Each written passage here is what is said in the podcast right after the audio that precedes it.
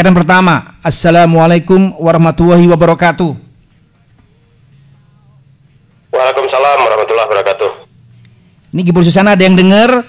Saya menyapa siapa? Coba tebak siapa yang barusan menjawab salamnya Cindy Gibol. Ini orang yang punya integritas luar biasa buat sepak bola tanah air.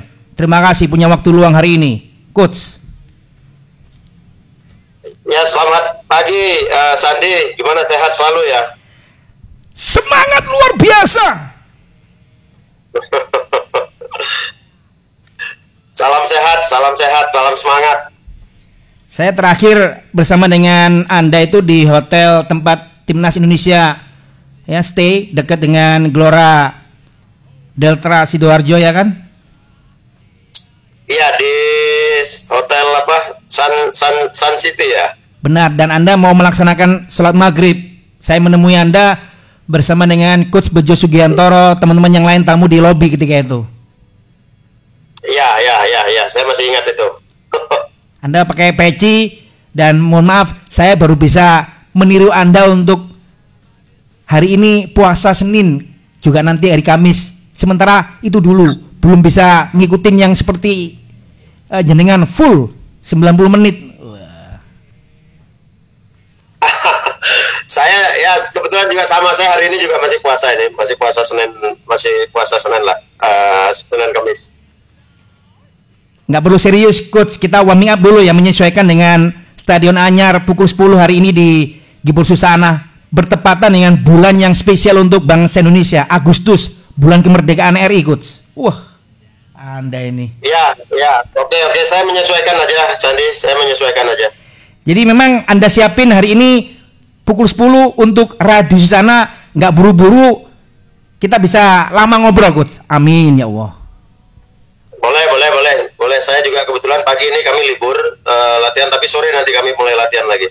Ini cerita juga coach ya.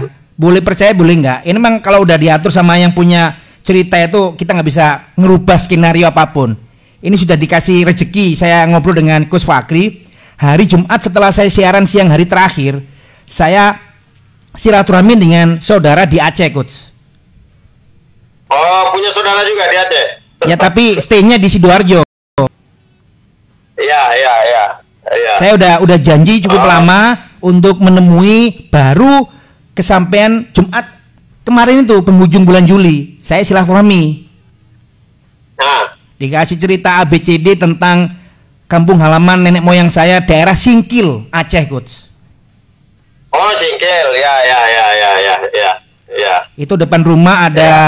pantai, laut lepas, belakangnya kebun kelapa sawit. Katanya gini, mumpung masih ada umur, ke sana ditunggu. Hah? Saudara-saudara, moyangmu di sana lagi nunggu. Insya Allah, toh perjalanan nggak susah, pesawat gampang dicari, tiketnya dekat dengan rumah di airport Juanda situ kan, coach?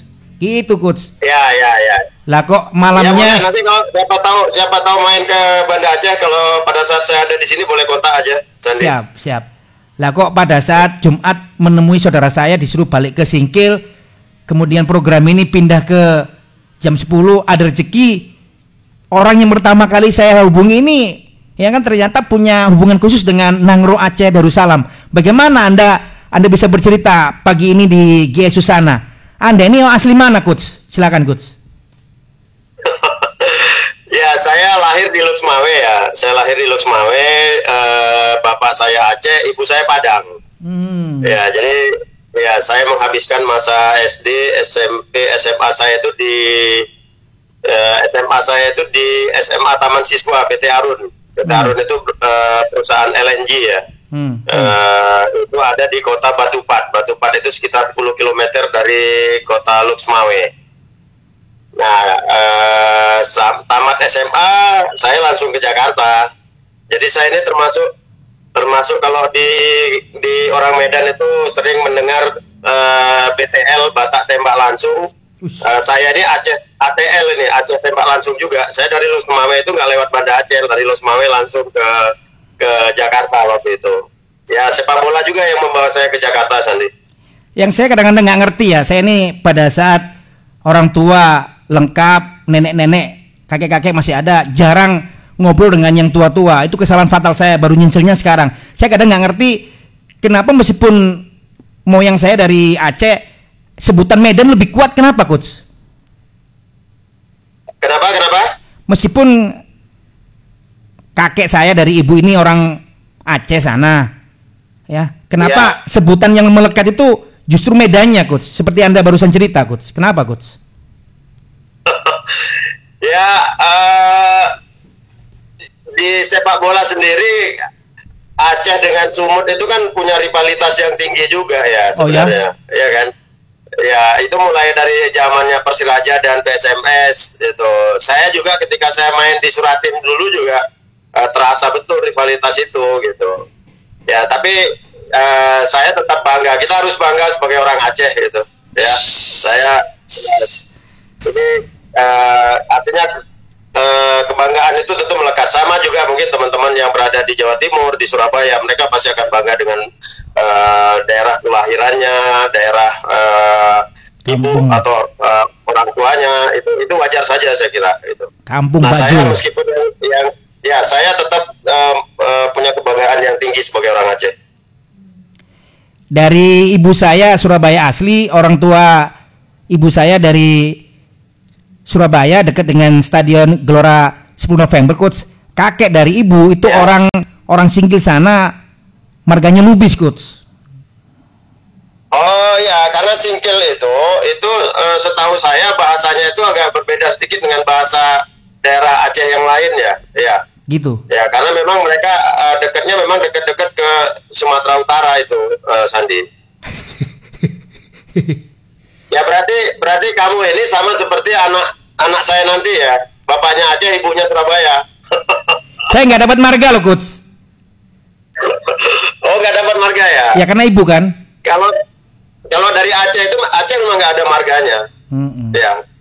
Kalau saya dari Padang masuk marga saya Tanjung. Hmm. Ya, Baik. Tapi tapi ya kalau Aceh itu nggak ada marganya. Ya.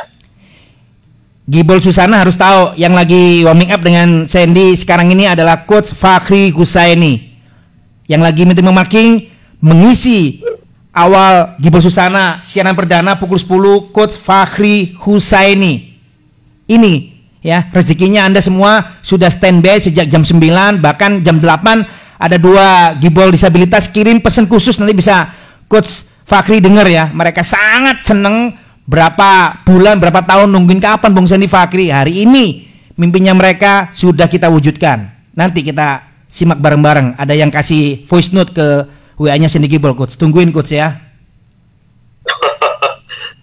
ya, siap-siap. Hidup sekali kalau nggak nyenengin semuanya tanpa terkecuali. Buat apa? Itu pemahaman sanggup mati saya di sini, Coach. Buat apa? Buat apa? Ya, ya betul, betul, betul. Iya. Ini yang pertama, sudah masuk ke ranah sepak bola, saya sudah izin ke Coach Fakri. Monggo, kita nggak bisa melupakan kejadian sekarang ini seperti apa bangsa mendapatkan cobaan hebat ya dengan pandemi, terus bencana alam masih ada. Cerita sepak bola belum bisa kick off liganya. Saya udah janjian dengan Coach Fakri Husaini bola ini ya. Ada satu menit kita berdoa dulu yang mimpin jenengan Coach. Ayo sampaikan bagaimana kemudian Anda untuk untuk pandemi Covid, untuk cerita sepak bola dan yang lainnya benyalam, coach? Ya baik baik uh, pemirsa Radio Susana yang saya cintai, saya banggakan, uh, Sandi, uh, uh, seluruh masyarakat khususnya di Surabaya dan Jawa Timur. Uh, mari bersama-sama kita sebelum memulai acara ini mengheningkan cipta Uh, semoga Allah memberikan kekuatan kepada kita menghadapi ujian yang maha berat ini. Uh, sekaligus kita berdoa juga uh, agar pandemi COVID, kesulitan-kesulitan lainnya yang Amin. muncul saat ini bisa secepatnya uh, berakhir dan Amin. kita bisa kembali hidup normal, Amin. hidup normal kembali, berinteraksi kembali dan yang jauh lebih penting adalah aktivitas sepak bola Indonesia mulai bergairah lagi. Amin. Uh, berdoa mengheningkan cipta dimulai.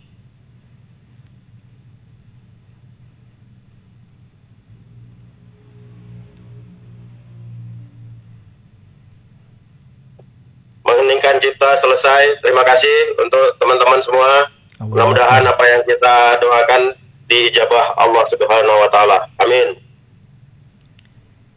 Ini yang pertama langsung ke beberapa pertanyaan dan Coach Fakri harus tahu ya, Anda ini spesial. Pertama saya siaran radio sejak 96 itu narsum narasumber saya ngobrol di radio minta mana pertanyaannya the one and only Coach Fakri. Applause.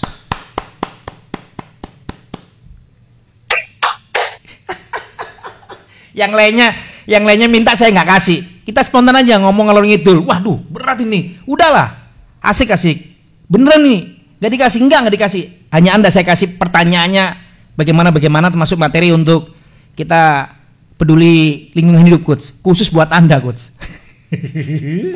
Oke nggak apa-apa nggak apa-apa. Kasih aja pertanyaan-pertanyaan yang berat. Kalau bisa saya jawab saya jawab nanti. Kalau nggak bisa kamu bantu saya jawab. coach, karena program ini berada di Kota Palawan dan kaitannya dengan bulan Agustus, respectnya mesti ke Persibaya Surabaya. Ada ya. pemain ke-12 di sini, Bonita, fans yang cewek juga, bonek, supporter laki-laki. Saya ingin tahu di matanya Kus Fakri, Persibaya Surabaya dulu. Ya kemarin, hari ini, apa yang bisa Anda ceritakan untuk Gibru Susana? Monggo.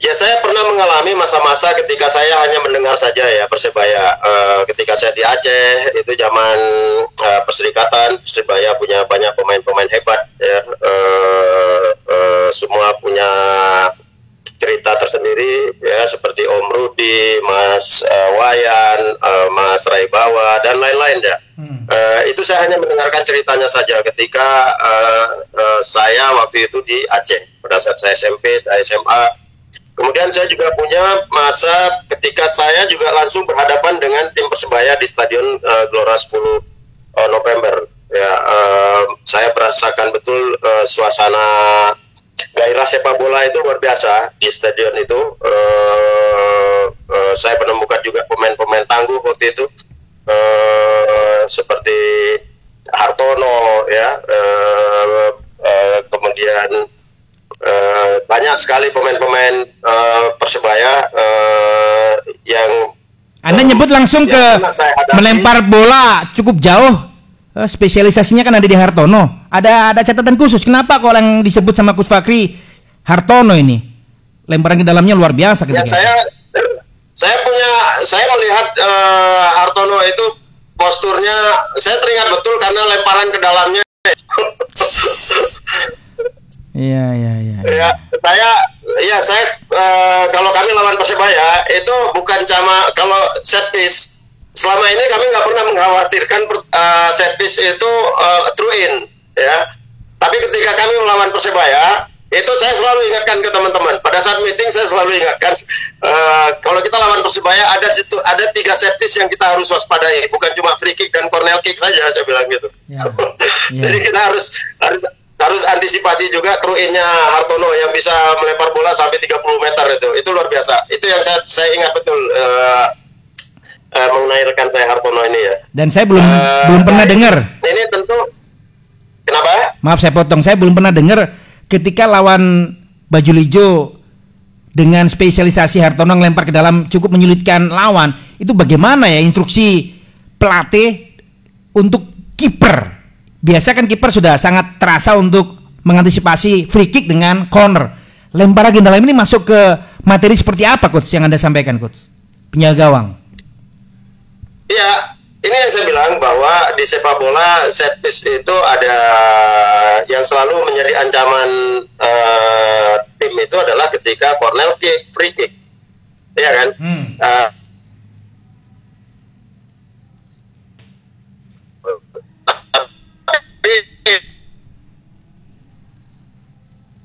pemain-pemain yang hebat untuk free kick, corner kick.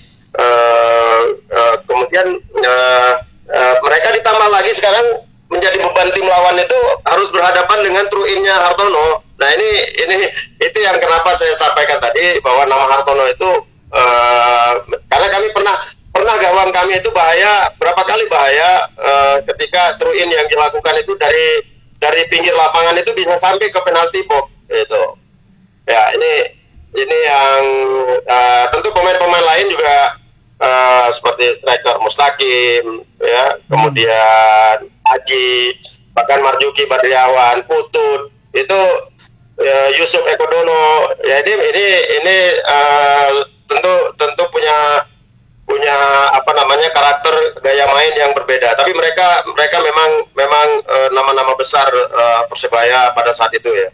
Jadi persebaya memang uh, klub yang punya punya sejarah panjang uh, yang punya kontribusi besar juga terhadap uh, sepak bola Indonesia khususnya gitu. dan yang menyedihkan mestinya gila bola di Nangor Aceh Darussalam Medan sana bisa menemui tim ya bersejarah ini musim lalu cuman karena pandemi ditahan dulu saya tahu ya kangennya masyarakat di Aceh di Medan sana untuk melihat dari dekat Persibaya ditahan dulu nih belum kesampaian coach. Saya bisa membayangkan ya orang tuanya sekarang ini berumur antara 40 50 seperti saya. Ayo nanti kalau Persibaya berada di Liga 1 Persiraja ikutan di sana yang liganya kita bersiap-siap ya berada di tribun duduk bersama. Belum kesampaian coach. Kebayang ke situ kan coach ya? Wah wah ya ini ini kita juga harus apa namanya ya uh, bahwa kita tetap harus produktif itu benar apa yang disampaikan Pak Jokowi.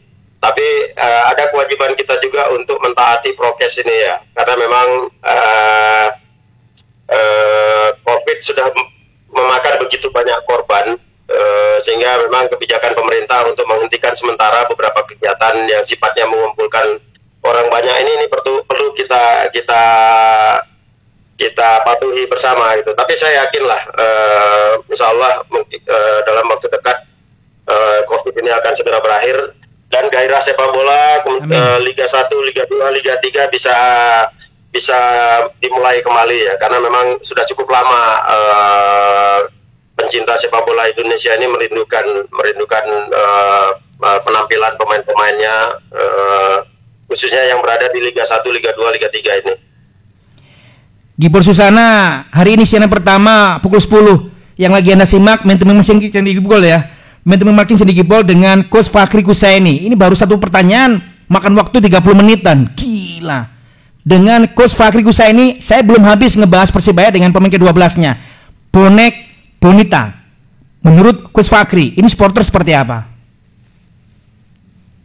Ya saya uh, berkali-kali menyampaikan ya, mungkin termasuk sama Sandi juga kalau nggak salah saya, sama beberapa teman-teman wartawan di Jawa Timur juga bahwa uh, uh, keberadaan bonek itu itu itu menjadi bukan cuma sebagai pemain ke-12 ya, mereka memberikan mereka memberikan uh, gairah sepak bola. Uh, saya tidak bisa membayangkan itu kalau kami main di stadion 10 November itu tanpa tanpa ada supporter. Ya buat saya itu itu uh, ya seperti sekarang lah. Uh, kita lihat beberapa pertandingan di Olimpiade, di Piala di Olimpiade terutama itu banyak pertandingan bagus, uh, tapi kurang terasa gairahnya karena tanpa penonton. Gitu. Hmm. Nah bonek uh, atau bonek wanita ya Sandi ini ini ini mereka sudah memberikan kontribusi besar untuk kemajuan sepak bola, untuk gairah sepak bola, terutama di Jawa Timur. Hmm. Bahwa memang eh, kadang-kadang uh, kita tidak bisa mengontrol uh, sikap atau perilaku bonek itu, tapi bukan berarti mereka ini selalu selalu uh, kita harus melihat dari sisi positifnya ya. Dan saya juga berharap uh, bonek ini harus diberdayakan. Ya, saya yakin mereka mereka adalah potensi besar yang kalau kita bisa berdayakan untuk kegiatan-kegiatan sosial misalnya Uh, saya sempat membaca ketika beberapa bonek itu melakukan memberikan bantuan uh, kepada masyarakat. Ini kan sikap positif yang harus direspon, gitu. Ya, uh, karena sekarang sudah saatnya lah, sudah saatnya kita kita apa pun profesi kita, apa pun uh, di mana pun kita berada, kita ada kewajiban kita sebagai manusia ya uh, untuk menebarkan sebanyak mungkin ke kebaikan, gitu. Nah, komunitas bonek ini yang sudah uh, punya apa namanya punya fanatisme tinggi.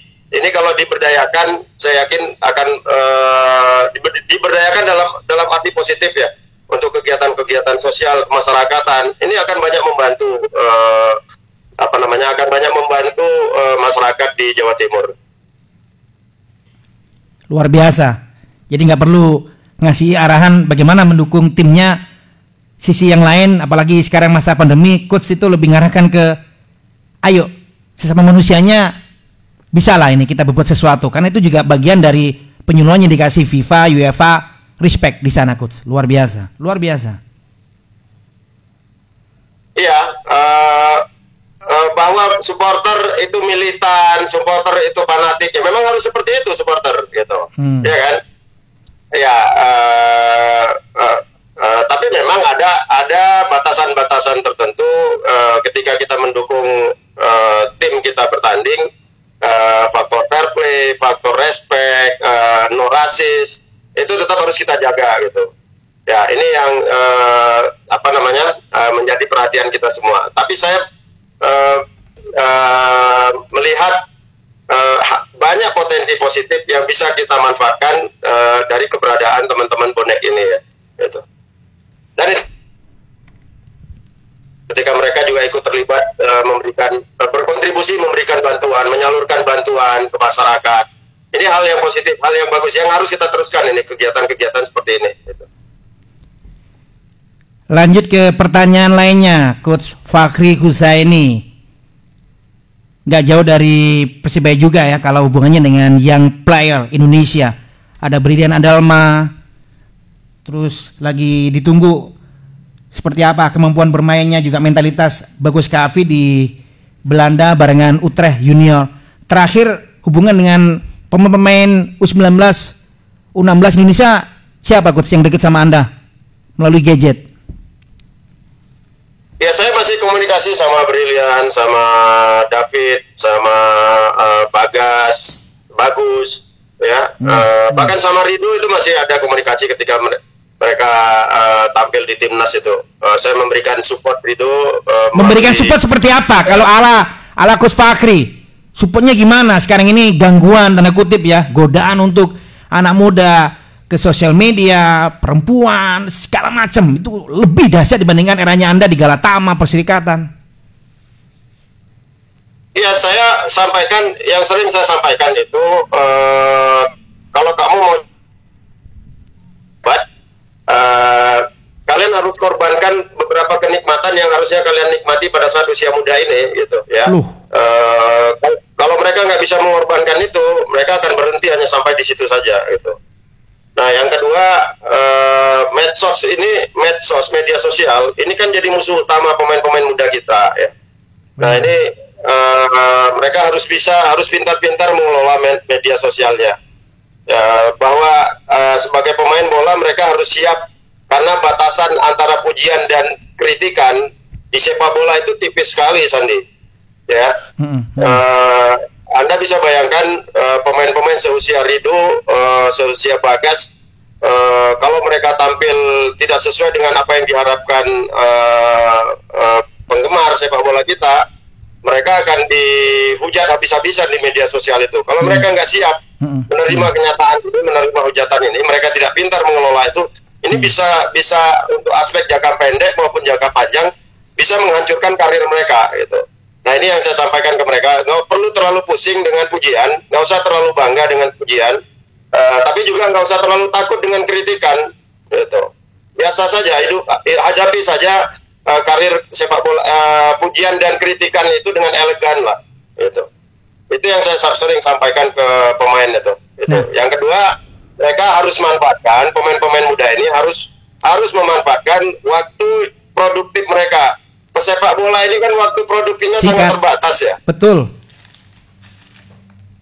Hmm. Ya beda dengan dengan karir-karir lain, misalnya guru, guru itu nggak ada pensiunnya itu guru ya. Mereka bahkan sampai umur setelah pensiun dari pegawai negeri mereka masih bekerja terus itu mengabdinya masih bisa. Tapi pemain bola kan nggak bisa sampai umur umur 30 saja untuk posisi-posisi tertentu itu udah sulit untuk bisa uh, berprestasi tinggi. Jadi jangan sampai anak-anak muda ini uh, Ridu, uh, Brilian, uh, Supriyadi, uh, Bagas, David, semua pemain-pemain ex timnas U19 atau U16 menyia-nyiakan masa mudanya mereka. Karena lifetime usia usia uh, karir sepak bola itu sangat terbatas itu. Itu yang sering saya sampaikan ke mereka sampaikan ke mereka. Ini biar yang dengerin juga ada bekal ya. Siapa tahu anak-anaknya lagi disekolahkan di SSB, di akademi mana pun. Pada saat berada di timnas Indonesia U16, U19, concern Anda Halo. untuk coach dengar? Wah, ini. Kok putus-putus? Putus-putus ya? Sebentar, coach. Oke, okay, oke, okay, oke. Okay.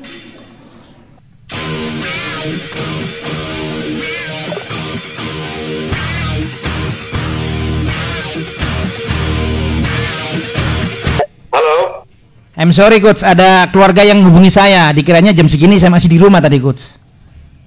Oke oke oke oke. Oke, lanjut lanjut. Ini kan hari pertama saya siaran jam 10. Biasanya 13 ya 14 masih di program ini. Balik ke tadi saya nanya soal bagaimana pengalaman Anda untuk concern soal gadget ini loh di timnas U16, U19 gimana coach? Soal apa? Gadget? Iya, di tim, di tim Anda bagaimana memberikan warning, memberi masukan ke pemain agar waktunya latihan, waktunya istirahat bisa membedakan itu. Kan nggak mudah itu coach. Semua pemain beda-beda nih maunya mereka. Oke oke oke. Ya. Uh, ketika di U16, di U19 saya masih menerapkan uh, aturan kapan mereka bisa menggunakan HP, kapan tidak ya. Ini masih uh, masih bisa karena mereka masih masih usia remaja, masih usia muda, tentu kita masih bisa mengontrol mereka ya. Uh, karena memang sekali lagi saya sampaikan uh, HP itu kalau mereka tidak bisa mengelola ya HP-nya saja ya HP-nya saja kalau mereka tidak bisa mengelola cara menggunakannya itu bisa merusak.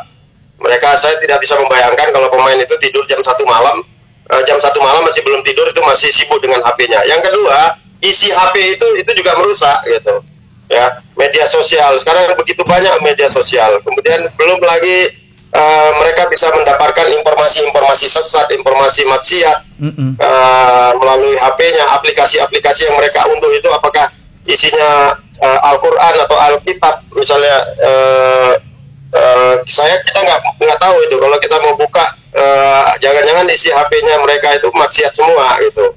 Hal-hal uh, yang bisa menjurumuskan mereka ke hal-hal negatif nah ini ini kami uh, kami makanya kami batasi. Ya dan ini saya sampaikan di awal.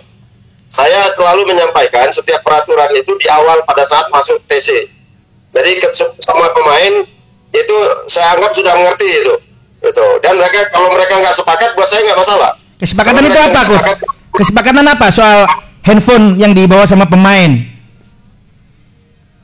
Ya pada kalau jam pada jam-jam tertentu mereka harus simpan HP itu gitu. Hmm, hmm, ya hmm. itu itu itu kesepakatan peraturan artinya tata tertib tata tertib ketika selama di TC itu saya selalu sampaikan di awal karena buat saya penting itu untuk semua pemain sepakat, bukan cuma pemain, pelatih, semua asisten pelatih itu harus sepakat di awal. Jadi kalau memang semua sudah disepakati terus dilanggar, itu itu gampang kita untuk memberikan hukuman. Tapi kalau kalau belum pemain itu tidak tahu aturan tata tertib, terus tiba-tiba kita berikan sanksi, ini kan uh, kurang tepat ya. Gitu.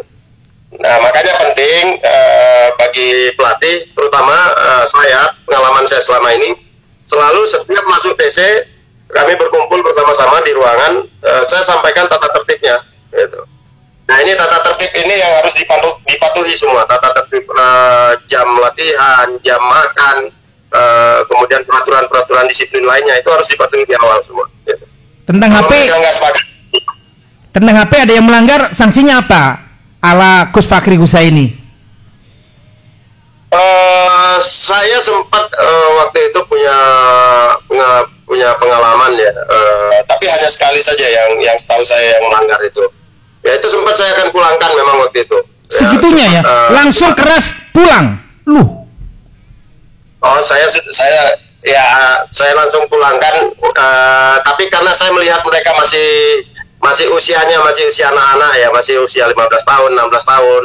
Uh, tentu setelah mendapatkan pertimbangan masukan dari dari psikolog ya dari terutama dari psikolog uh, akhirnya uh, uh, sanksi itu saya kurangi gitu. Ya saya kurangi uh, saya berikan teguran uh, nah ini ini penting buat kita ya. Buat kita uh, ketika kita uh, melatih tim usia muda uh, melatih tim uh, usia remaja kemudian melatih tim senior ya uh, ini juga tidak mudah dalam mengelola HP ini kalau sim pemain-pemain senior itu tidak mungkin kita terapkan mereka kita batasi nah ini ini kesadaran untuk pemain-pemain senior pemain-pemain profesional itu tapi bahkan beberapa pelatih-pelatih top di dunia pun pada momen-momen penting mereka juga melakukan pembatasan penggunaan HP, medsos gitu. gitu. Nah memang uh, dalam melatih ini memang kita harus punya melatih itu adalah seni ya. Hmm. Melatih itu adalah seni, seni bagaimana cara kita berhadapan dengan manusia. Uh, tentu tidak sama pemberlakuan itu. Betul. Coach, ini belum saya buka pintu gerbangnya stadion Gelora Bung Tomo, eh supporter Bonita Bonek pada masuk nih, pingin nyapa Anda. Boleh ya coach ya? Waduh, saya nggak bisa nolak ini. Boleh, boleh, silakan saja untuk silaturahmi saya lah.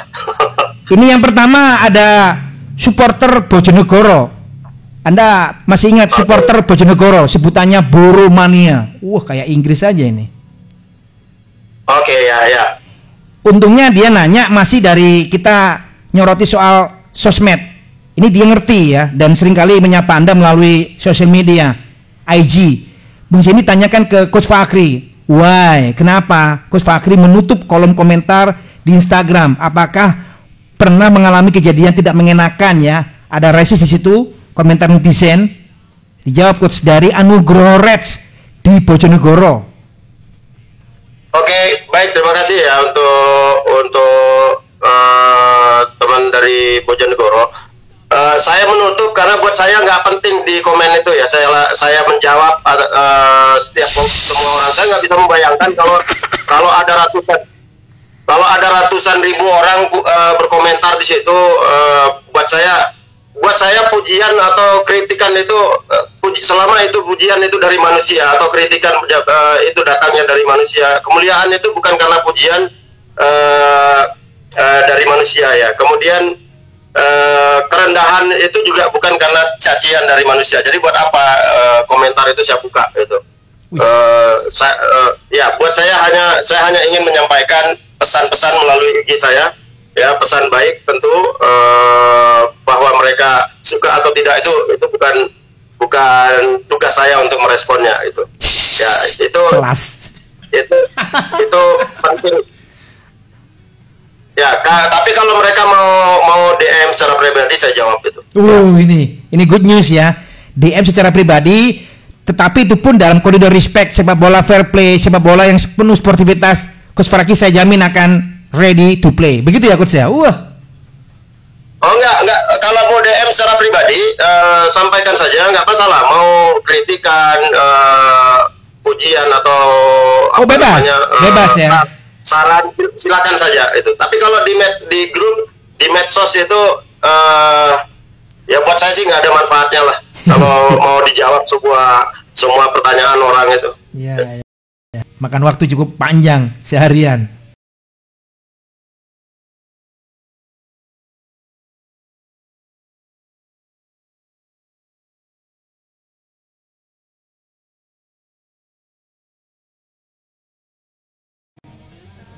Salam sejahtera.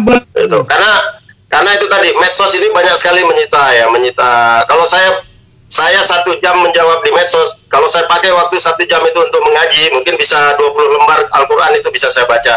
Luar Lebih bagus saya mengaji atau ya. Luar biasa. Kita pending dulu cerita hari ini Sandy Gibol menteri Marketing dengan Coach Fakri. Kita overlapping ke negeri Paman Sam ya. Aku belum nanya tentang Joe Biden loh, Coach. Belum. Kita pending dulu. Ini cerita Konsakaf Gold Cup finale. Amerika Serikat juara tetapi extra time kalahkan L3 Meksiko. Ini program sepak bola harus neropong ke sana juga nih ya. Amerika Serikat menjuarai Konsakaf Gold Cup final menang dari L3 Meksiko. Golnya dibikin Robinson Bang pada menit ke 117 paling anyar ya bulan ini ya. Konsakaf Gold Cup juaranya Amerika Serikat. Ya itu kalau nggak salah kemarin Amerika menang lolos ke final karena menang lawan Qatar ya. Ya, ya, ya. Sebagai tim undangan ini dari Asia ya Qatar datang. Ya mungkin mereka dapat dapat apa namanya uh, fasilitas sebagai tim undangan karena sebagai calon tuan rumah uh, Piala Dunia mungkin ya. Baik, ini yang berikutnya tentang bagaimana teman-teman pengen say hello dengan Coach Fakri. Nomor duanya Dedri Adrian mengucapkan selamat ulang tahun Coach Fakri tanggal bulan tahun kelahiran Coach Fakri sama dengan kiper legendaris Paraguay Jose Luis Silavet. Oh ya, ya saya ya terima kasih. Uh, siapa tadi Andrian? Dedi Adrian. Ya terima kasih Edi. Uh, ya doa yang mudah-mudahan sisa umur saya ini bisa bermanfaat untuk kebaikan dunia akhirat. Uh, mudah-mudahan juga sisa umur saya ini bisa saya pakai juga untuk uh, memberikan kebaikan uh, kepada sepak bola kita ya sepak bola Indonesia. Saya berharap itu. Uh, saya baru tahu kalau kiper uh, siapa uh, Jose Silaves tadi sama ulang tahunnya sama saya. Tapi setahu saya beberapa pemain nasional itu juga uh, ulang tahunnya sama saya uh, seperti Alexander Saulunu hmm. ya kemudian Toyo Haryono kemudian di Kalimantan Timur itu Johnny Rining itu legenda Persiba juga itu ulang tahunnya sama saya bahkan di sekarang ini kemarin di timnas U19 Randy kemudian coach Ansari itu 28 kalau saya nggak salah ya kalau nggak salah 28 atau 27 Ansari Lubis Wah. Nah, di sekarang saya di Pon Aceh ini ada juga pemain satu Farijal sama juga sama saya ulang tahunnya. Ya mudah-mudahan lah kita saling mendoakan mudah-mudahan sisa umur kita bukan cuma yang ulang tahun saja, sisa umur kita, sisa umur kita yang semua mendengar pendengar radio, radio Susana ini bisa bermanfaat untuk kebaikan-kebaikan di dunia dan di akhirat tentunya. Bisa dilengkapi coach profilnya Fakri Husain ini tanggalnya, bulan, tahun. Siapa tahu ada yang ingin mencatat nanti Anda dikirimi kuirtat ya siapa tahu rezeki coach. Ya saya lahir 27 Juli 1965 ya. Sekarang saya 56 tahun. 56 ya. tahun. Bismillah saya bisa menemukan juga umur dari Coach Fakri ya. Sekarang saya masih 46 jalan Coach. Menuju ke setengah oh, abad. Oke, okay, okay, Anggap, okay. anggap ya, anak aja. hidup ini. Anggap anaknya aja Coach. Ya, ya, ya. Beda 10 tahun ya. Sebentar coach saya bongkar lagi ini ya.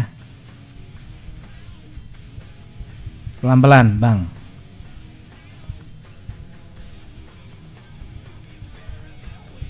Terus yang ini dibikinin sama fansnya program Susana dari Balikpapan, Tabalong. Pernah ke sana, coach? Uh, Tabalong belum, belum.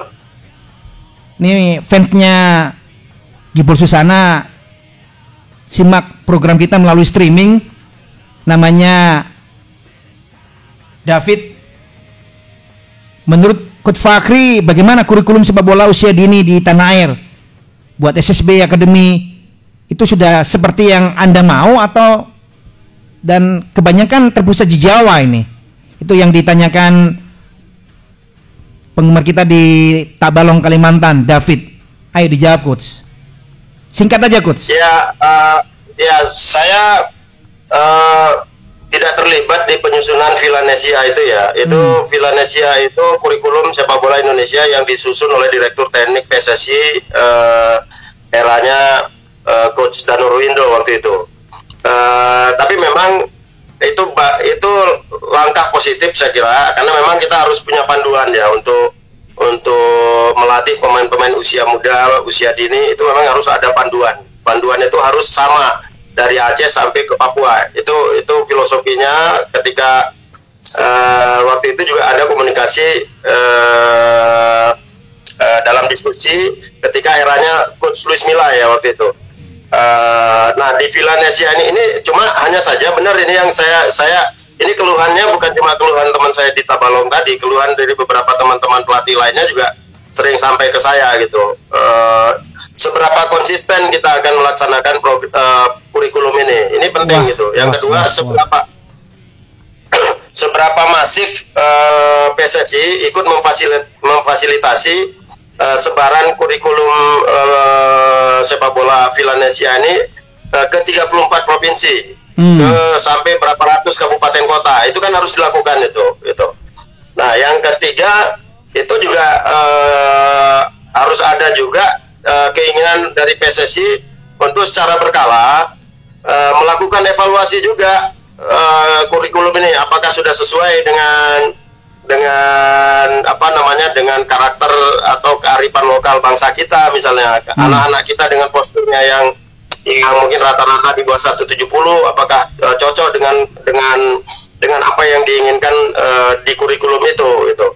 Nah, ini ini uh, perubahan ini memang sudah mulai terasa karena uh, awalnya kan penyusunan kurikulum ini menyesuaikan dengan uh, keberadaan timnas waktu itu. Saya ingat betul pada saat diskusi dengan Pak Pak Edi Rahmayadi, uh, ada Luis Mila juga, uh, semua pelatih kelompok umur dan pelatih senior itu dihadirkan waktu itu uh, bahwa kami yang pelatih-pelatih di, di kelompok umur ini harus mensupport uh, tim nasional, gitu.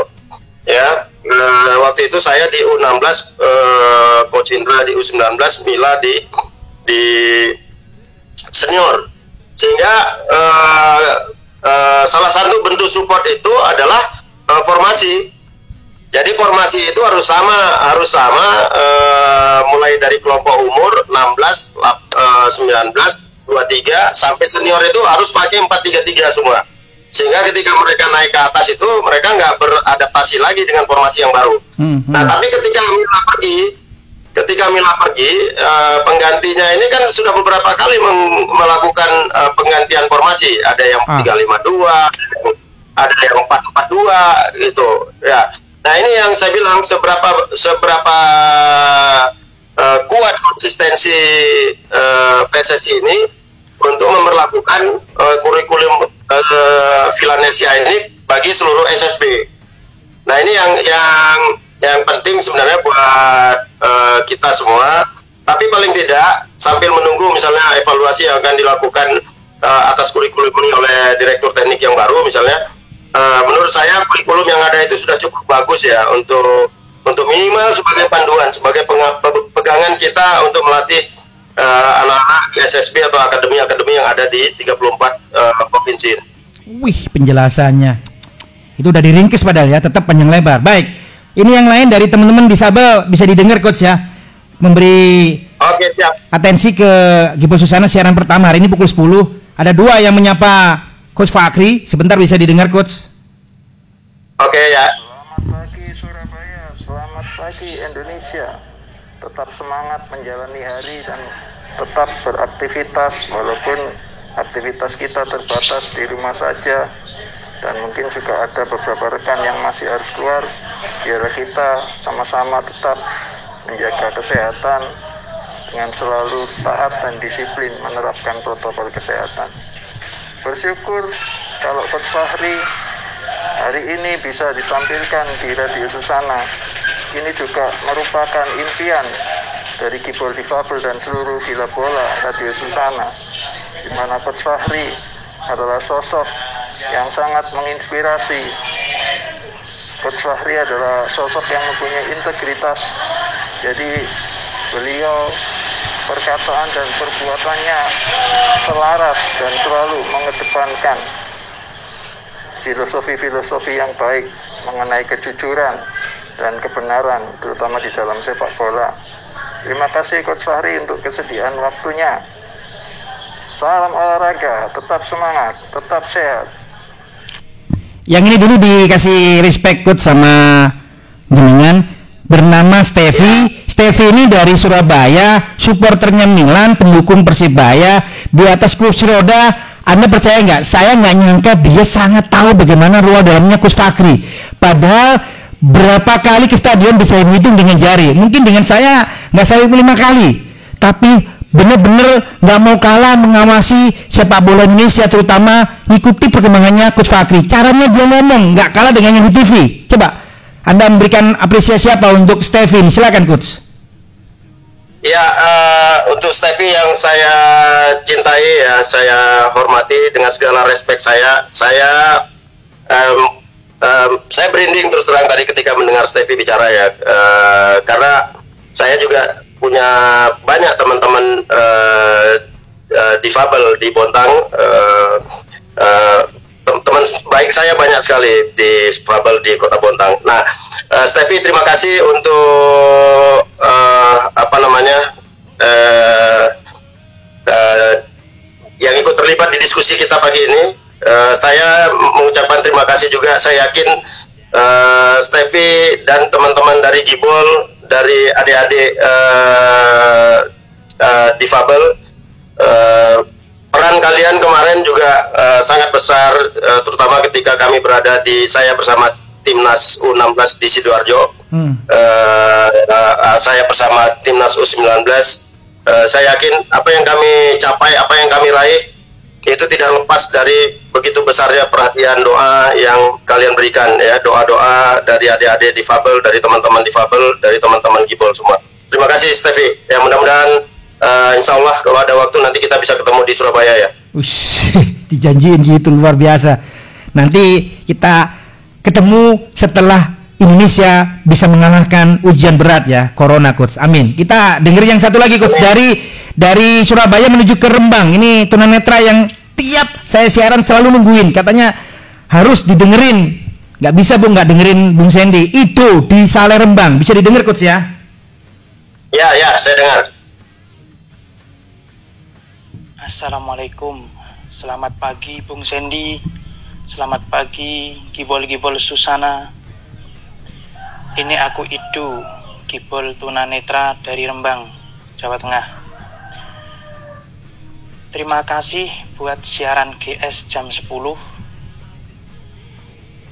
Sering-sering telepon ya coach.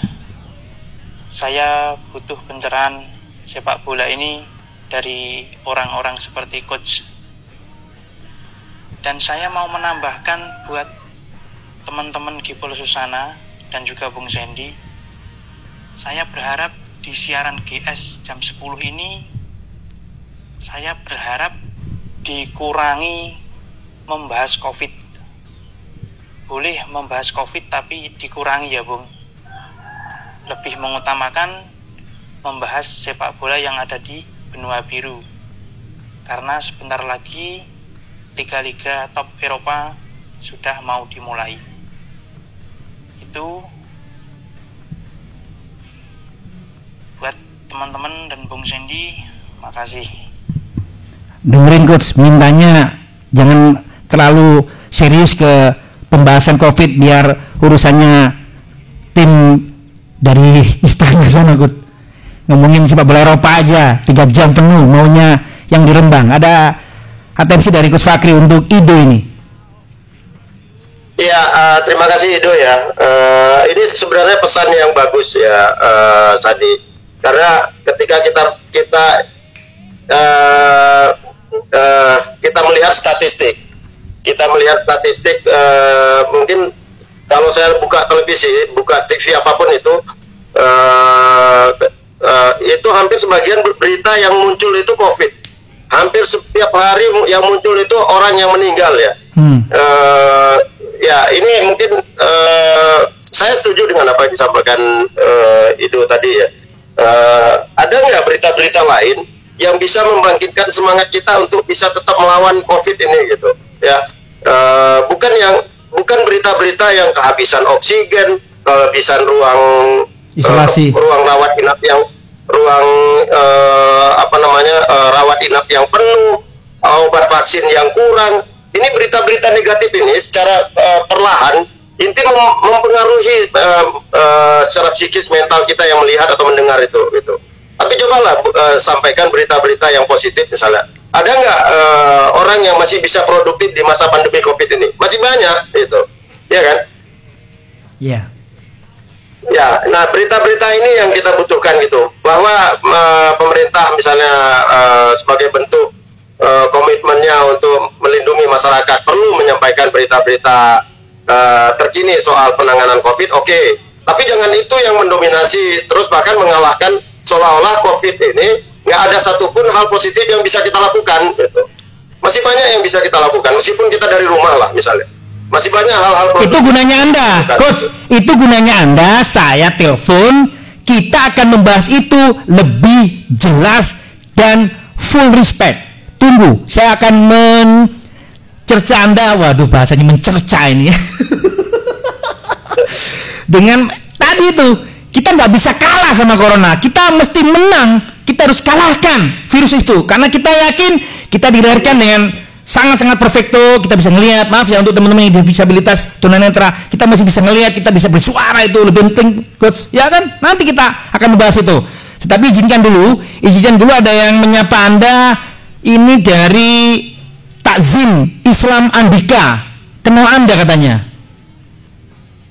Siapa namanya? Andika. Salam hormat takzim dari Islam Andika. Oke oke oke ya ya silakan silakan.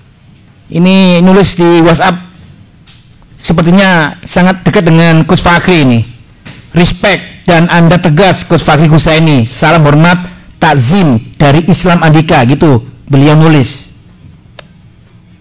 Oh ya, ya terima kasih ya untuk uh, teman-teman di Islam Andika. Uh, ya ini penting ya buat kita untuk menjaga uh, untuk menjaga komitmen, untuk menjaga integritas gitu. Uh, saya punya prinsip kalau kita nggak bisa memperbaiki, jangan sampai kita jadi bagian yang ikut merusak itu yang yang selalu nah, saya tanamkan pada diri sendiri. Ini ya. diulangi coach, diulangi. Kalau kita nggak bisa memperbaiki, jangan sampai kita menjadi bagian yang ikut merusak.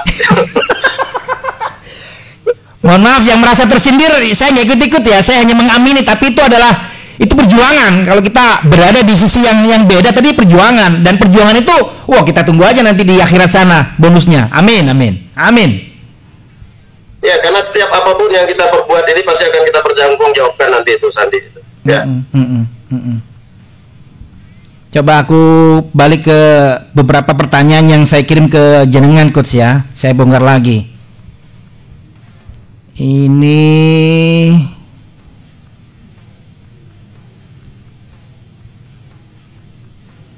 pertama kalinya mendengar kabar Indonesia jadi penyelenggara Piala Dunia kelompok umur.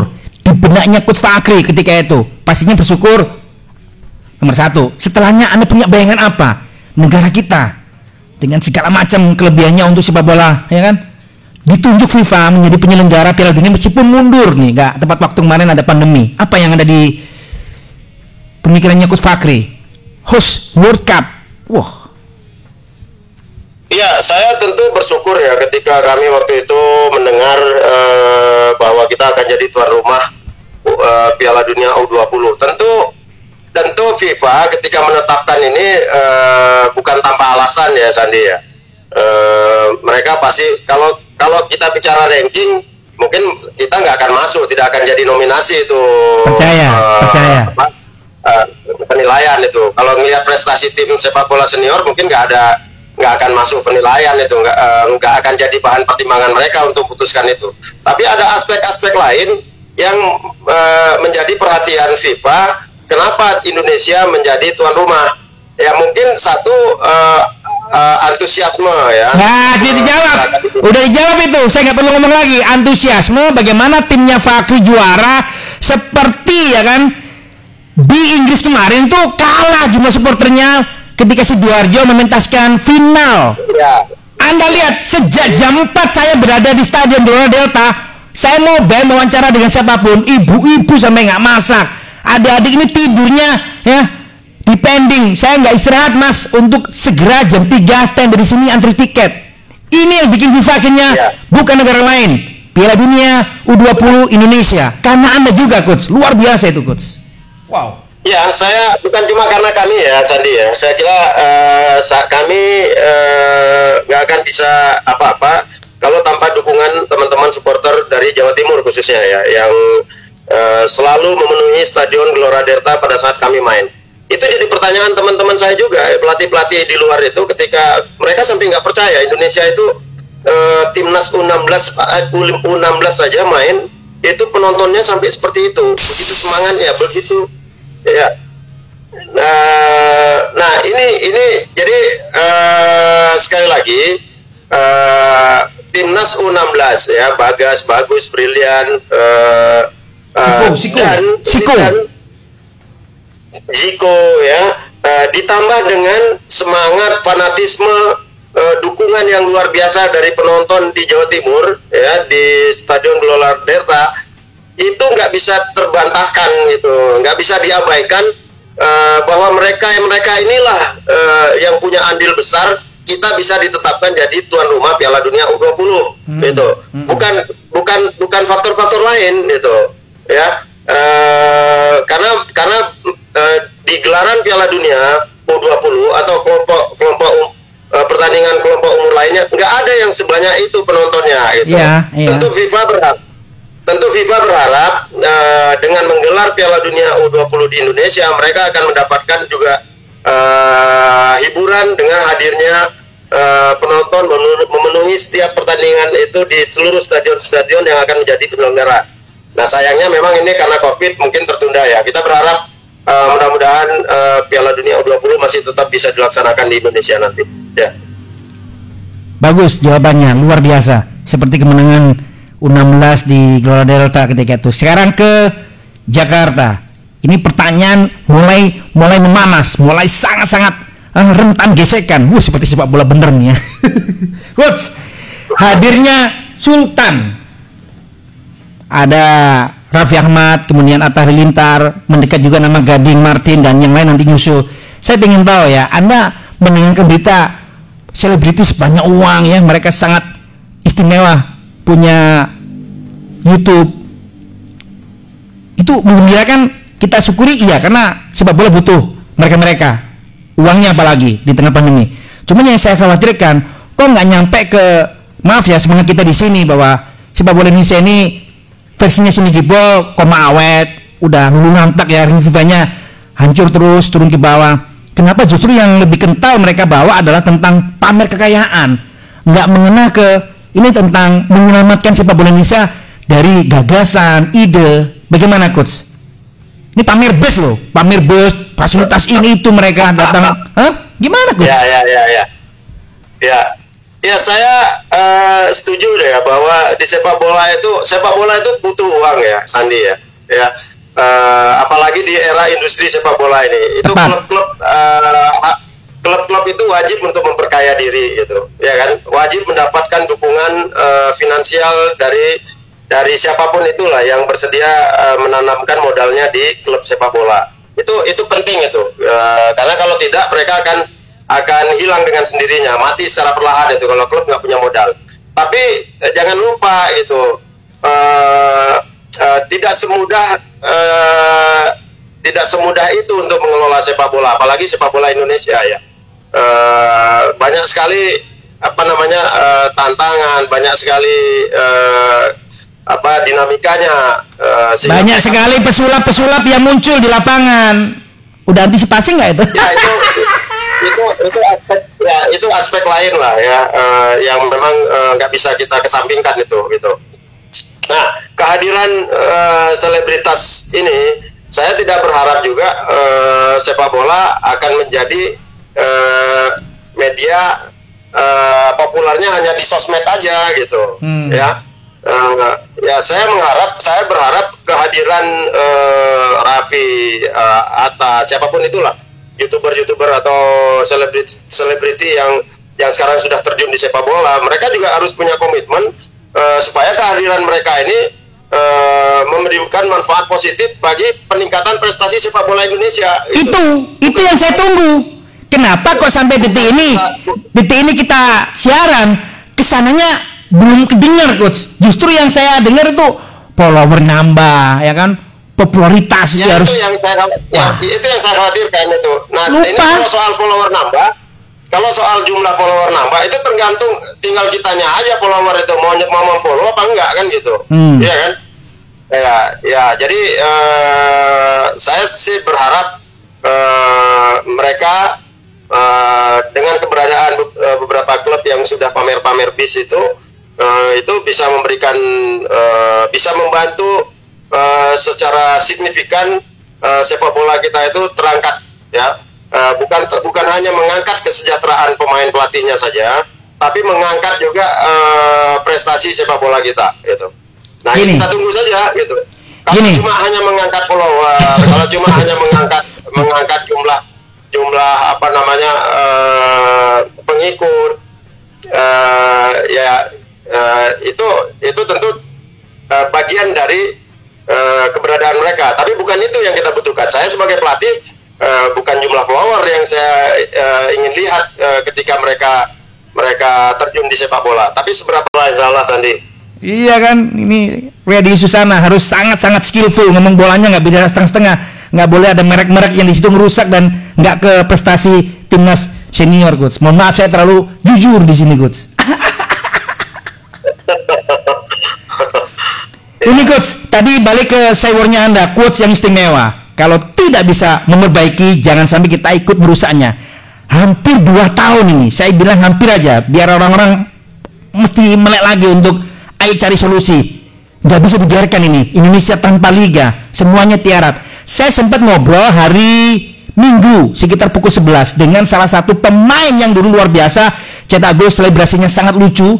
Saya tanya anda ini pelatih aktif di sepak bola Sidoarjo kok kesannya ikut-ikutan diam pasrah dengan nasib? Ya sudahlah PSSI nggak ada jalan keluar. Saya ikut tiarap saya ikut kalah. Mestinya dengan dilahirkan secara normal kayak sini Kipo ayo bersuara ayo cari ide.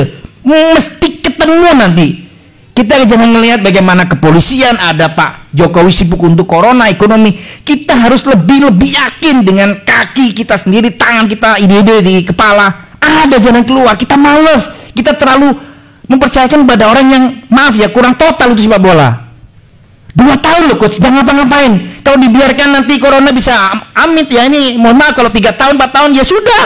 Semuanya kan ya sudah, pasrah aja. Kan nggak bisa seperti itu coach. Come on.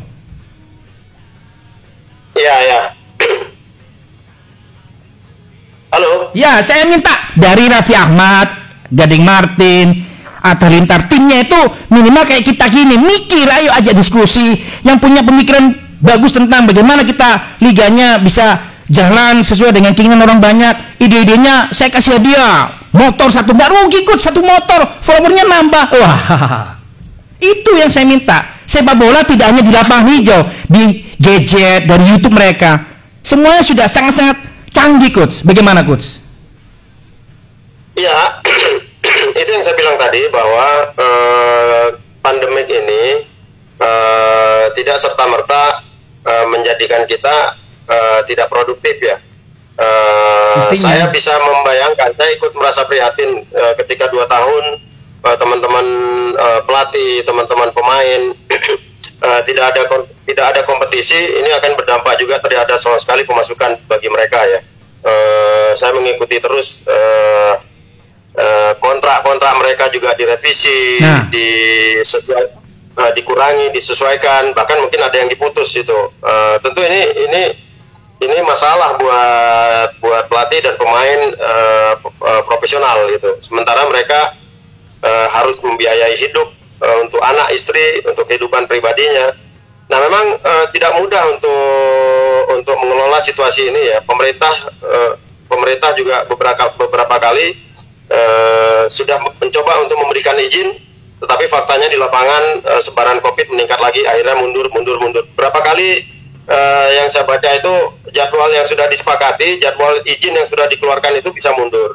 Nah ini, sebenarnya tugas berat PSSI ya, tugas berat PSSI uh, untuk bisa meyakinkan pemerintah lah untuk bisa merakinkan pemerintah. Uh, coach kita berandai-andai, coach kita berandai-andai sebagai orang federasi yang katanya anda bebannya berat. Kenapa beban berat tidak diberikan kepada media, stakeholder semuanya? Ayo bersatu, bantu saya. Itu pun nggak terucap. Minimal minta maaf nggak ada. Gini coach, gini. Kenapa pemerintah ngerasa sulit untuk memberikan izin? Karena menurut saya, noda kemarin Piala Menpora pun tidak tersentuh. Bagaimana ada supporter, konvoy juara, bagaimana ada anarkisme di sana. Itu seolah-olah penyakit kita adalah, oh sudahlah nanti nanti nggak akan terjadi lagi. Ternyata menjadi budaya. Paham yang saya maksud? Kesalahan itu kesalahan coach buat buat yang ngawasi sepak bola kita memberikan izin itu. Paham yang saya maksud coach? Iya kan? Iya ya, ya. ya.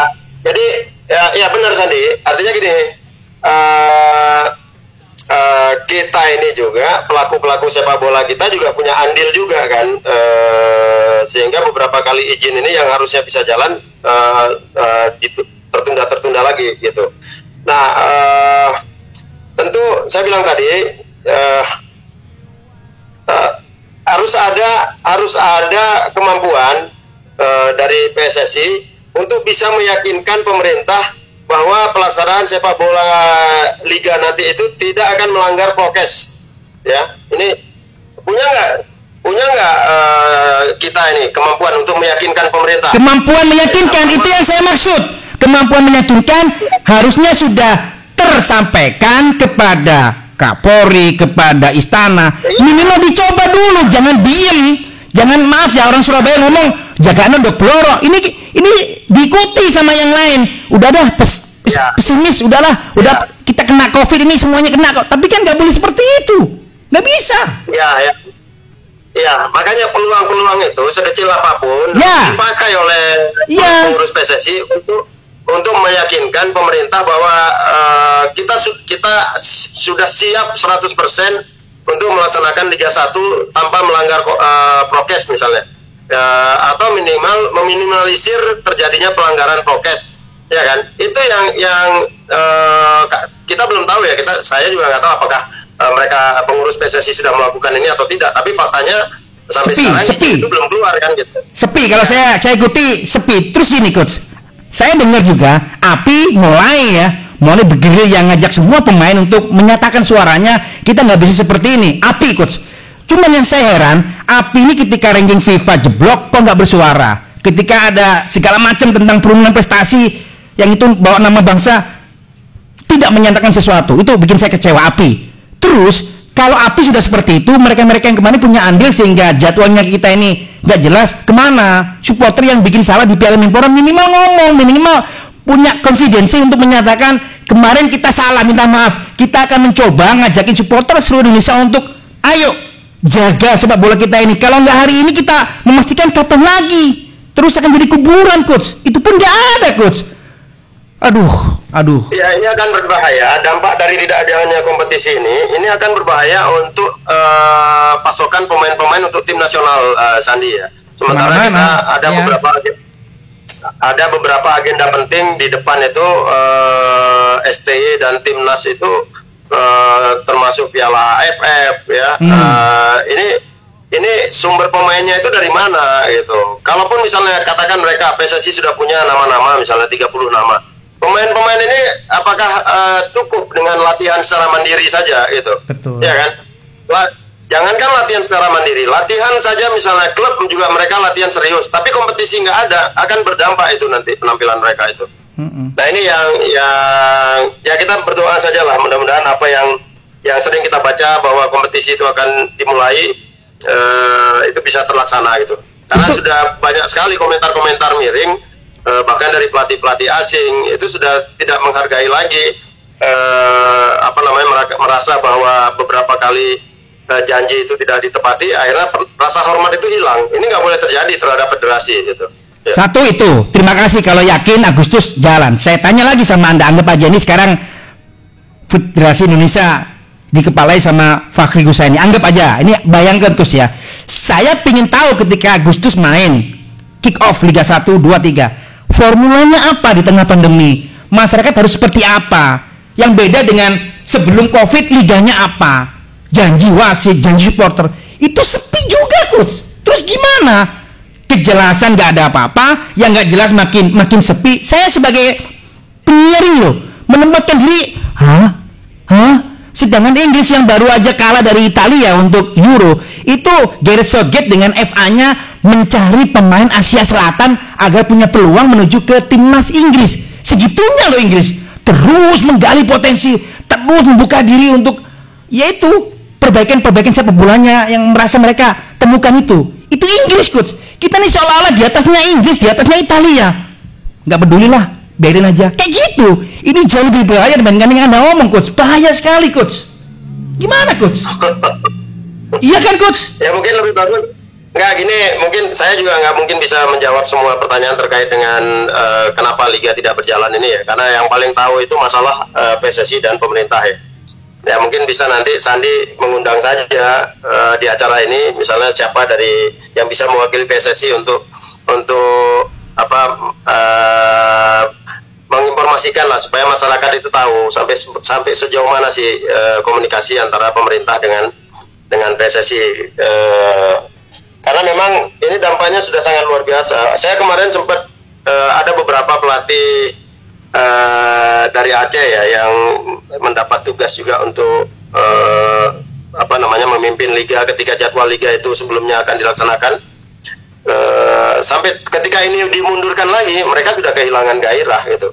Jadi uh, ini bukan cuma pemain pelatih, uh, supporter, uh, pelatih, uh, itu udah kehilangan semangat gitu.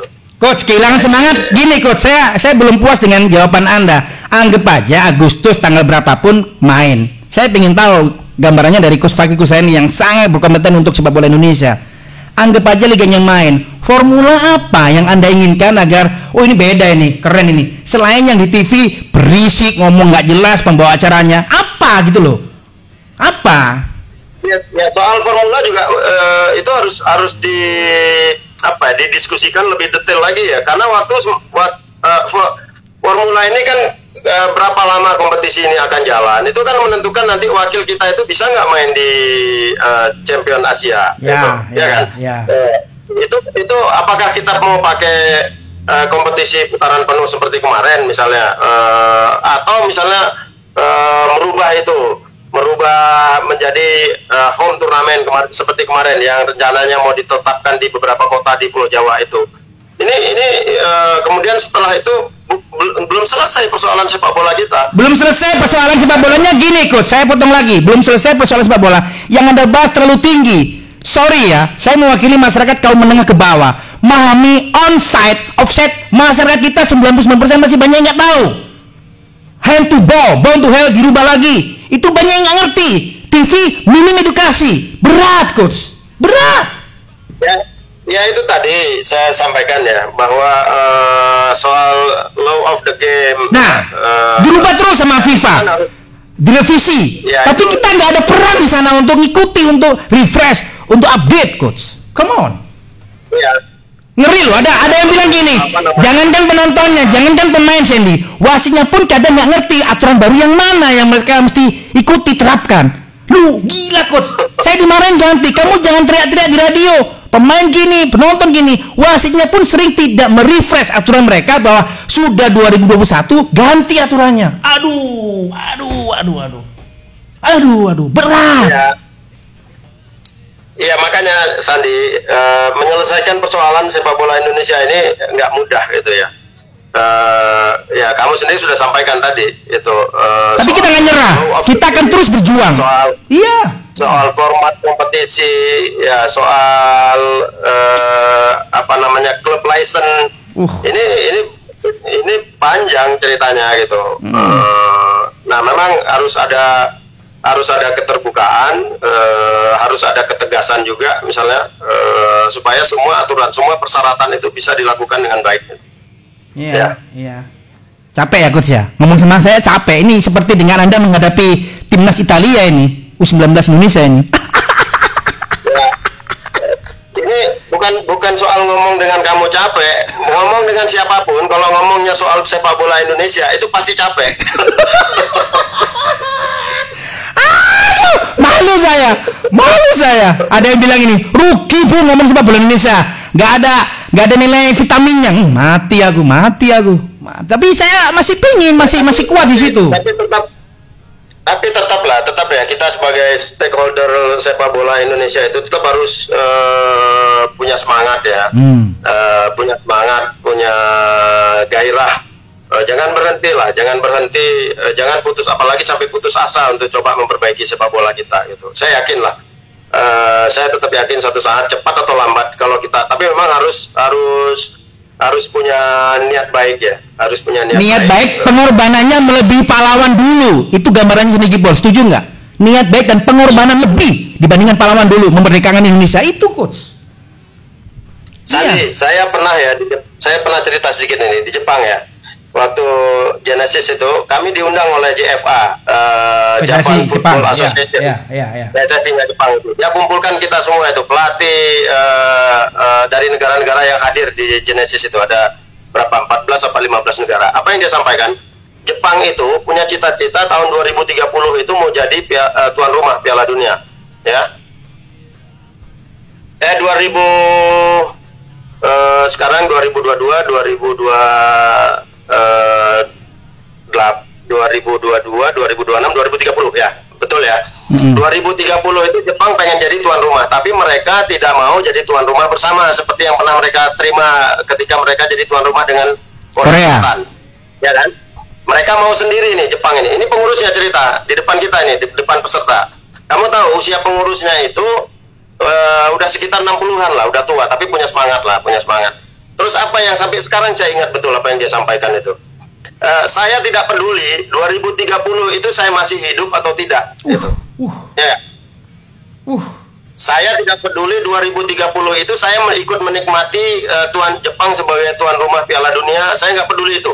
Yang penting saya sekarang bersama teman-teman saya yang ini dia tunjuk dua orang sahabatnya yang hadir di situ. Kami mulai dari sekarang ini membangun, mencoba membangun, menguatkan fondasi supaya kami bisa mendukung JFA, mendukung pemerintah Jepang untuk bisa menjadi tuan rumah 2030. Kamu bisa bayangkan nggak? Itu itu di 2000 kemarin 2017 atau 2018 saya Artinya 12 tahun yang akan datang itu mereka udah bekerja dari sekarang gitu. Hmm. Dan mereka nggak peduli uh, hasil baik yang mereka tanamkan sekarang ini dinikmati oleh pengurus mereka yang lain. Gitu. Spirit satu persen seperti kita, spirit satu persen seperti kita, luar biasa Jepang. Hah? Oh. Ya kan? Ah. Nah ini, nah sekarang pertanyaannya, uh, kita seperti itu nggak pengurus-pengurus kita itu? Jangan jangan-jangan uh, jangankan memikirkan 10 12 tahun yang akan datang. Untuk tahun depan aja kita nggak mikir sama sekali gitu. ya kan? Mulai rame, mulai menunjuk sesuatu. Coach Fakri ini seperti Roberto Mancini ya menugaskan Federico Chiesa bobol gawang dari timnas Inggris, you know. Oh, come on, please. Ya ini yang yang paling penting itu adalah keberlanjutan kan Sandi, ya kan? Hmm ya pengurus misalnya pengurus keberlanjutan dari pengurus zamannya Pak Agung, zamannya Pak Kardono, zamannya Pak Nurdin Khalid, zamannya keberlanjutan itu yang baik ya lanjutkan gitu.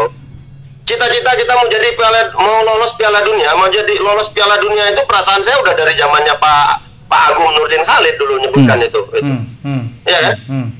Tapi tapi ada nggak satu program berkelanjutan yang kita buat sampai kita bisa lolos ke Piala Dunia? Nggak pernah ada. ada kan itu? Nggak ada ya kan? Kita coba mengirimkan beberapa pemain ke Prima ke Primavera, Bareti, ke SAD. Ya, itu program-program sebentar begitu selesai gagal selesai lagi. Itu. Nah sekarang kita kirim lagi selek lagi Garuda selek ini. Jadi program itu programnya saya melihat uh, saya membayangkan ya, saya berinding itu waktu dengar orang Jepang itu ngomong gitu. Ya pantas saja Jepang itu berapa kali lolos ke Piala Dunia. Kalau mereka cara berpikirnya seperti itu gitu. Ya kan? Hmm. Sekarang mereka lolos lagi ke semifinal semifinal Olimpiade. Uh, Olimpiade. Ya, ya, iya. Ya. Jadi gak heran gitu. Nah, mereka tahu yang mereka cita-citakan itu, ya, mereka terobsesi, ya, uh, obsesinya itu betul-betul uh, dibuatkan dibuatkan roadmapnya itu supaya obsesinya itu bisa tercapai kan gitu. Bukan cuma obsesi aja yang ada di kepala itu, terus roadmapnya nggak jelas saya lebih lebih konkretkan apa yang dibahas sama Coach Fakri memberi contoh bagaimana mentalitas Jepang tadi itu berpulang dari hati coach. Hatinya kayak apa mereka mencintai sepak bola untuk Jepangnya? Ya udah nyampe ke hatinya semua masyarakat di Jepang. Istimewa itu coach. Hati. Kalau di sini kebanyakan ke mana? Diawalinya isi perut. Keluar apa? Kotoran mohon maaf. Mohon maaf. Mohon maaf saya ngomong jujur. Iya. Iya saya betul betul saya membayangkan uh, uh, uh, apa namanya komitmen itu ya komitmen pengurus itu dia sampai bilang saya nggak peduli saya itu masih hidup atau tidak uh. yang penting saya dan teman-teman dari sekarang punya komitmen untuk mendukung JFA untuk mendukung pemerintah supaya tahun 2030 kami bisa jadi tuan rumah kamu bisa bayangkan betapa hebatnya itu gitu yeah. ya yeah. Yeah. artinya dia nggak peduli niat apa yang dia tanamkan misalnya hari ini uh, kalaupun besok misalnya buahnya itu dinikmati oleh orang lain itu nggak masalah buat dia. Tapi kita ada nggak itu? Jangan-jangan ah kita ngapain kita bagus-bagus sekarang? Nanti yang nikmati orang lain lagi. Itu kan yang ada di kepala kita rata-rata. Lulu gua gua hmm. ya ya ya. Coach waktunya sudah mendekati azan sholat duhur kita muslim dihentikan. Harus ya. selesai. Karena kalau nggak ditutup anda sudah mulai melewati garis tengah ini passingnya bisa dimanfaatkan eh? siku bagus kafi waduh pendengar ini akan terlena. Pendengar akan terus berada di dekat kita. Nggak apa-apa ya saya harus harus stop. Nggak tahu terserah anda. Kapan waktu luangnya? Kita siaran dari Senin sampai dengan jam 13 itu ya. Pukul 10 sampai dengan 13 Senin sampai dengan Sabtu. Kalau anda punya waktu luang teman-teman disabilitas semuanya senang dengan anda saya tunggu kabar positifnya dari Anda. Oke, ya sama Sandi di sini juga mau ajan juhur juga ini hmm. ya di Banda Aceh udah sebentar lagi ajan juhur juga. Hmm. Uh, ya saya siap aja, tapi jangan terlalu sering saya nanti bosan orang itu. Ya. aduh, saya sekali-sekali lah. Dua tahun sekali saya muncul di Susana nggak masalah itu. Tuh bola mini ya. Saya jangan disalahkan ya. Udah dikasih clue sama Kus Fakri dua tahun lagi. Saya nggak ngerti masih hidup apa enggak. Seperti orang Jepang tadi bilang ya penyiarnya masih di sini apa enggak? Ya, ya, Oh walam. Oh walam. Ya, ya yang paling penting, yang paling penting ini ya Sandi pesan saya terakhir itu uh, apa pun kita sekarang ini kita bagian dari uh, stakeholder sepak bola Indonesia ya. Uh, uh, uh, kewajiban kita ya untuk memperbaiki sepak bola ini itu kewajiban kita dengan porsi kita dengan tugas dengan kemampuan kita lah uh, minimal kalau kita nggak mem bisa memperbaiki kalau di Islam itu dengan doa paling nggak itu ya kan hmm. itu itu upaya yang paling kecil nah apa yang saya sampaikan tadi di diskusi kita kalau kita nggak bisa memperbaiki jangan sampai kita menjadi bagian yang ikut serta merusak sepak bola Indonesia yaitu kalian terjemahkan sendiri lah Istimewa. Empat kali dipertegas sama Kus Fakri. Saya warning hari ini menjadi pembuka Gibo Susana. Siaran pertama pukul 10 hingga 13. Saya mewakili teman-teman Gibo Susana di mana pun di dunia ini, utamanya teman-teman disabilitas menyampaikan sekali lagi salam respect. Terima kasih waktunya. Anda sehat terus. Anda selalu fight untuk sepak bola lebih fair play, sepak bola bervitamin. Assalamualaikum warahmatullahi wabarakatuh. Kus Fakri Kusaini. Waalaikumsalam. Terima kasih Sandi. Assalamualaikum warahmatullahi wabarakatuh. Awalnya minta ke saya 15 menit saja bola mini. Anda hit